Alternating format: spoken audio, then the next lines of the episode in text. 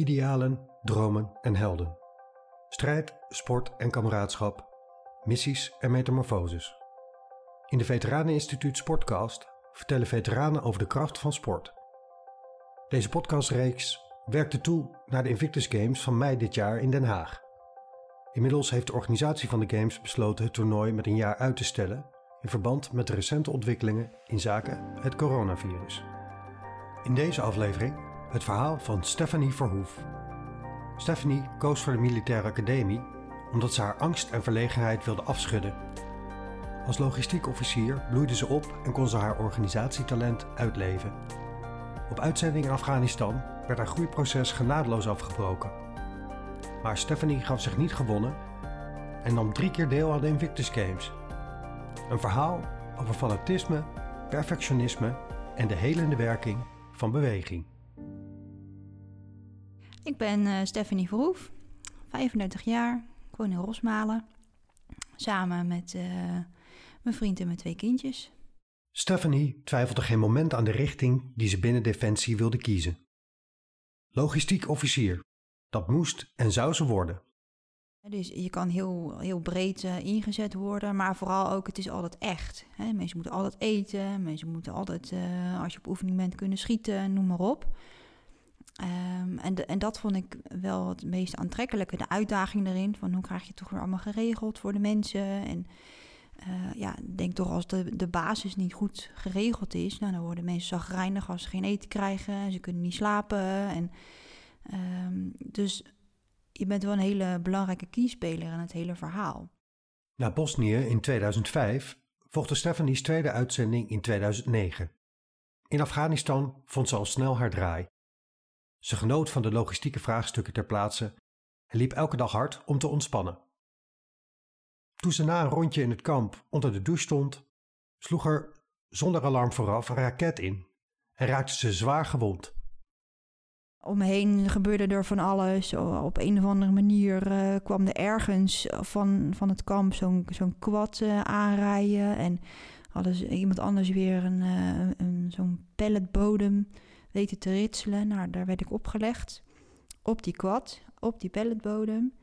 Nou, dan begonnen mensen tegen me te praten van uh, hoe heet je en uh, weet je welke dag het is, om maar even te kijken van uh, is er nog wel bij.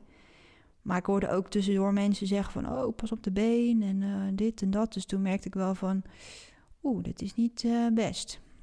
Maar ja op dat moment was ik niet met mezelf bezig, maar met hele andere dingen van shit, ik ben naakt en wie heeft me nou gezien? En, want ik lag daar met al mijn mannelijke collega's in, in dat straatje met al die faps. Dus ik denk, iedereen heeft mij gezien.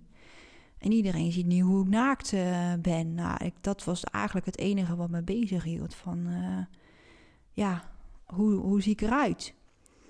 Nou, vervolgens ben ik afgevoerd naar de rol 2 op het kamp. Uh, ja, en daar de eerste onderzoeken gehad. En ik weet heel goed dat de arts die daar was... Ja, ik, dat jasje wat ik omgeslagen had, dat moest ik uitdoen. En dacht ik, nee, uh, hallo, ik ben naakt. laat me die kleren aanhouden. Maar ja, op een gegeven moment... de controle was ik gewoon compleet kwijt. En er werden dingen over mij beslist.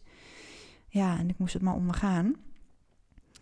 En ehm, ja, uiteindelijk na de eerste onderzoeken, toen bleek wel dat ik uh, direct door moest naar Kandahar om uh, geopereerd te worden.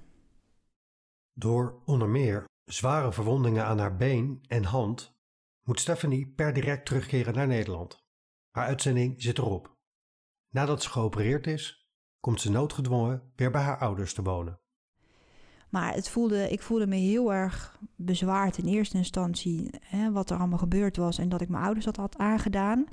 Nou, dan zit ik vervolgens ook nog eens bij hun in huis. Heel, de, heel het huis omgebouwd om, uh, om mij daar uh, te kunnen hebben. Dan moesten ze ook nog eens heel veel voor mij gaan doen, omdat ik bijna niks zelf kon. Nou, ik vond het echt vreselijk. En ja, mijn moeder zei wel eens, als ik voor iedere sorry een euro uh, zou krijgen, dan was ik nou rijk geweest.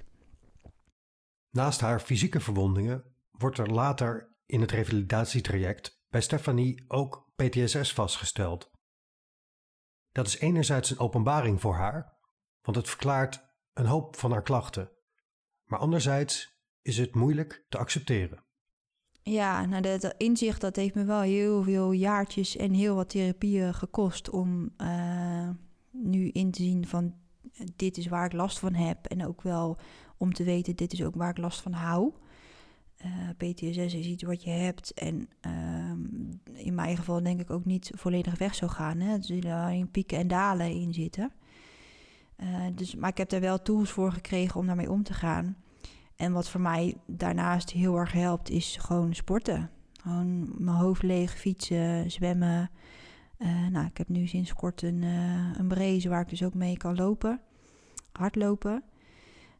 En, en dat helpt, want dan ja, heb ik alleen maar mijn sport en, en, en dat is het. En dat is voor mij heel erg, ja, enerzijds kan ik daar mijn energie in kwijt, maar anderzijds geeft het me ook heel veel energie en rust en ook lichamelijk dat ik er rust van krijg. En als ik een paar dagen niet gesport heb, dan voel ik al in mijn lijf van het zit niet lekker, er moet iets uit. En ja, dat helpt mij enorm. Um, nou ja, een van de eerste vragen die ik aan de chirurg stelde van wanneer kan ik weer hardlopen? Kan ik nog dansen? Kan ik hoge hakken aan? Dus dat was wel vanaf begin af aan een drive om, om dat weer op te pakken. Um, maar ja, in het begin, ik zat in een rolstoel. Um, ja, lopen kon nog niet eens. Maar goed, gaande de weg, ook in het revalidatiecentrum, ja, maak je toch wel letterlijk in mini-stapjes. En uh, oh, ik zit weer op een handbike. Oh, jippie. Oh, ik kan weer een bal uh, gooien. Of maak je toch steeds weer kleine, kleine stapjes. En uh, ja, die kleine stapjes die werden steeds groter. Dat ik uiteindelijk weer uh, op een home trainer zat. En uh, weer eens een keer een paar baantjes kon uh, zwemmen. Kijk, hardlopen, dat is altijd een issue geweest en problematisch. maar goed, andere dingen gingen wel. En ja, hoe verder dat ging, hoe groter mijn doelen werden uiteindelijk. En ja, hoe leuker het werd om dan toch weer meer te proberen. En ik weet ook wel, op een gegeven moment was ik met de visio een, bepaald loop traject aan aan het gaan. En de eerste keer dat ik dan weer na al die jaren op een loopband stond, nou, het ging helemaal niet hard en het was helemaal niet lang, maar hè, een filmpje van gemaakt. En nou, ik was zo trots van, kijk me gaan op, op de loopband. En ja, dat was toch wel dat ik denk van, ja, zie je nou wel, heb ik toch maar weer even geflikt. Het sporten helpt Stephanie haar zinnen te verzetten en beter te functioneren. Ook haar familie en vrienden zien de positieve werking die beweging op haar heeft. En dan komen de Invictus Games op haar pad. Met de eerste games was het eigenlijk voor iedereen een beetje, of een beetje, we gingen er heel onbevangen naartoe. We wisten niet wat we konden verwachten. Uh, überhaupt, uh, wat, uh, wat doen je tegenstanders? Daar hadden we totaal geen idee van. Ehm, dus in die zin ging ik daar niet heel ja, verwachtingsvol naartoe. Natuurlijk hè, een leuke ervaring.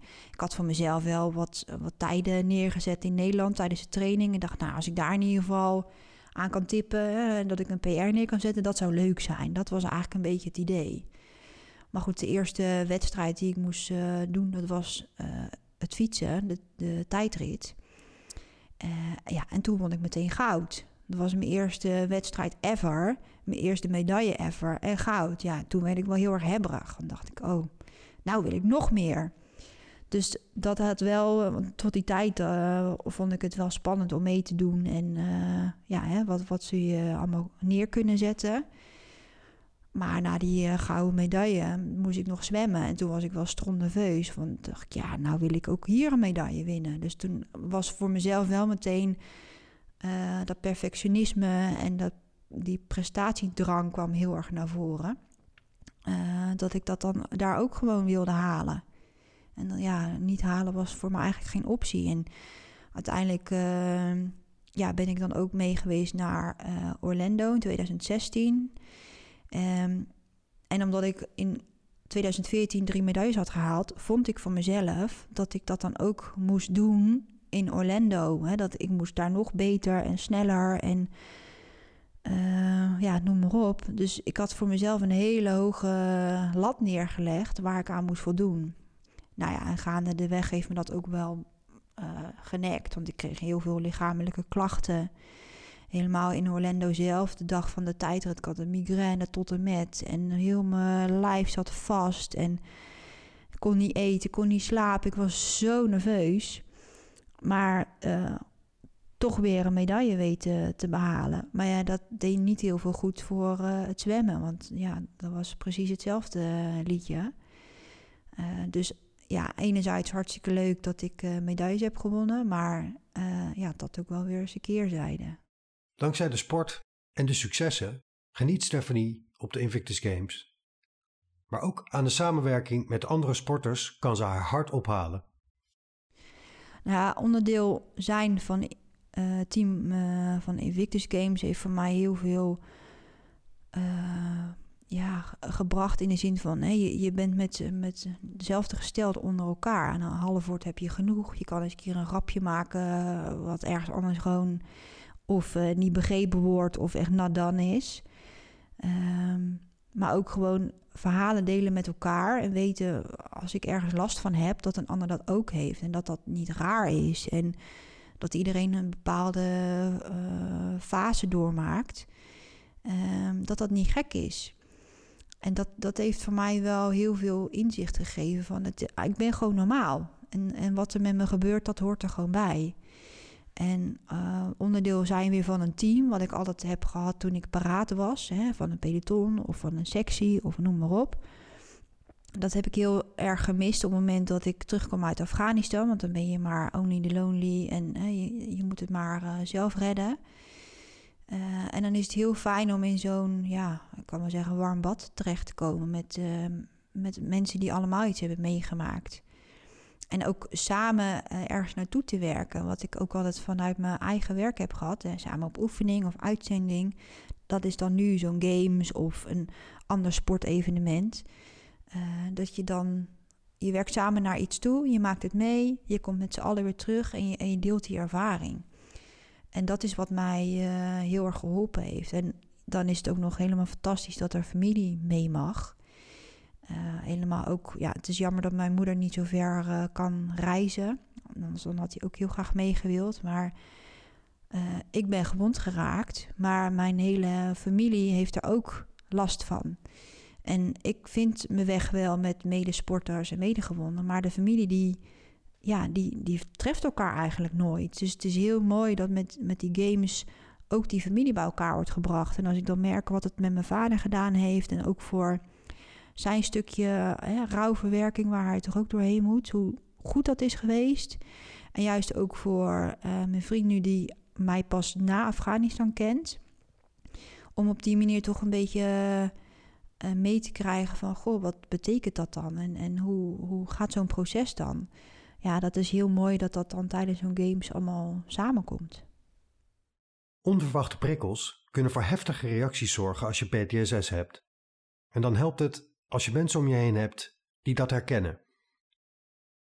Nou, ik weet nog wel een moment in Orlando dat met uh, dat was de openingsceremonie. Uh, hadden ze het briljante idee om vuurwerk uh, af te knallen. En op zaterdag was dan de, was de openingsceremonie.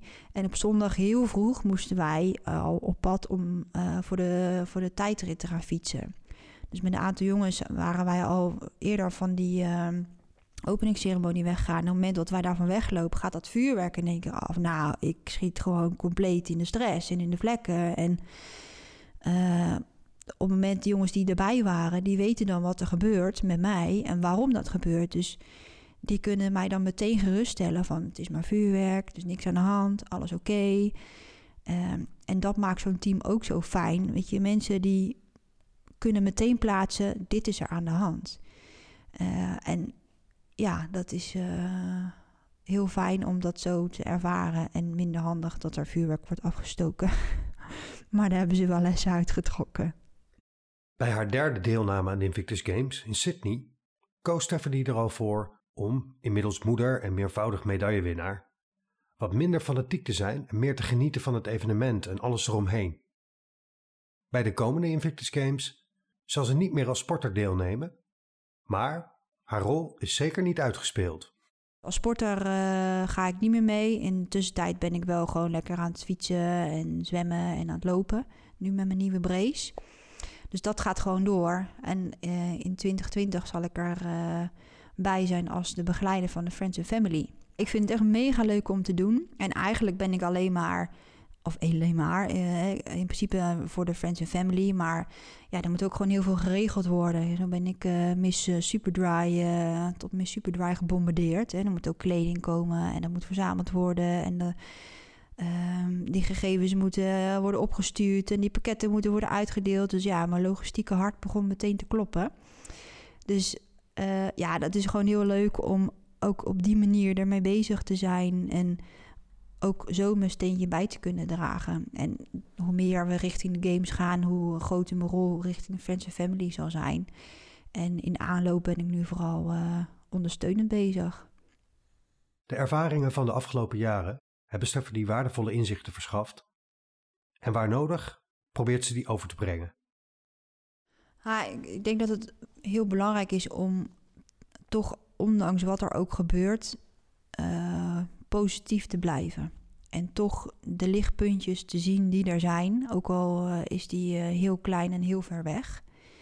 Um, maar het, het heeft mij heel erg op de been geholpen om toch iedere keer wel weer een nieuw doel te stellen. En in het begin was het heel erg naar de kalender kijken. En dan, oh, dan kom, ga ik uit het gips. En dan kan ik weer dit. En dan kan ik weer dat. En heb ik dat gehaald, dan ga ik weer verder kijken. En uh, zo heeft het mij wel geholpen om iedere keer weer een stapje verder te gaan. En uh, ook wel te durven dromen van hè, misschien dat het allemaal wel weer kan. En ik heb heel lang gedacht van nou dat hardlopen dat is gewoon, ja dat lukt me niet. En als ik het doe heb ik heel veel pijn. En inmiddels is er een nieuwe brace op de markt die ik nu ook mag dragen. En waar ik nu uh, bewijs van 6 kilometer mee kan hardlopen. Nou dat had ik een paar jaar geleden niet durven dromen eigenlijk.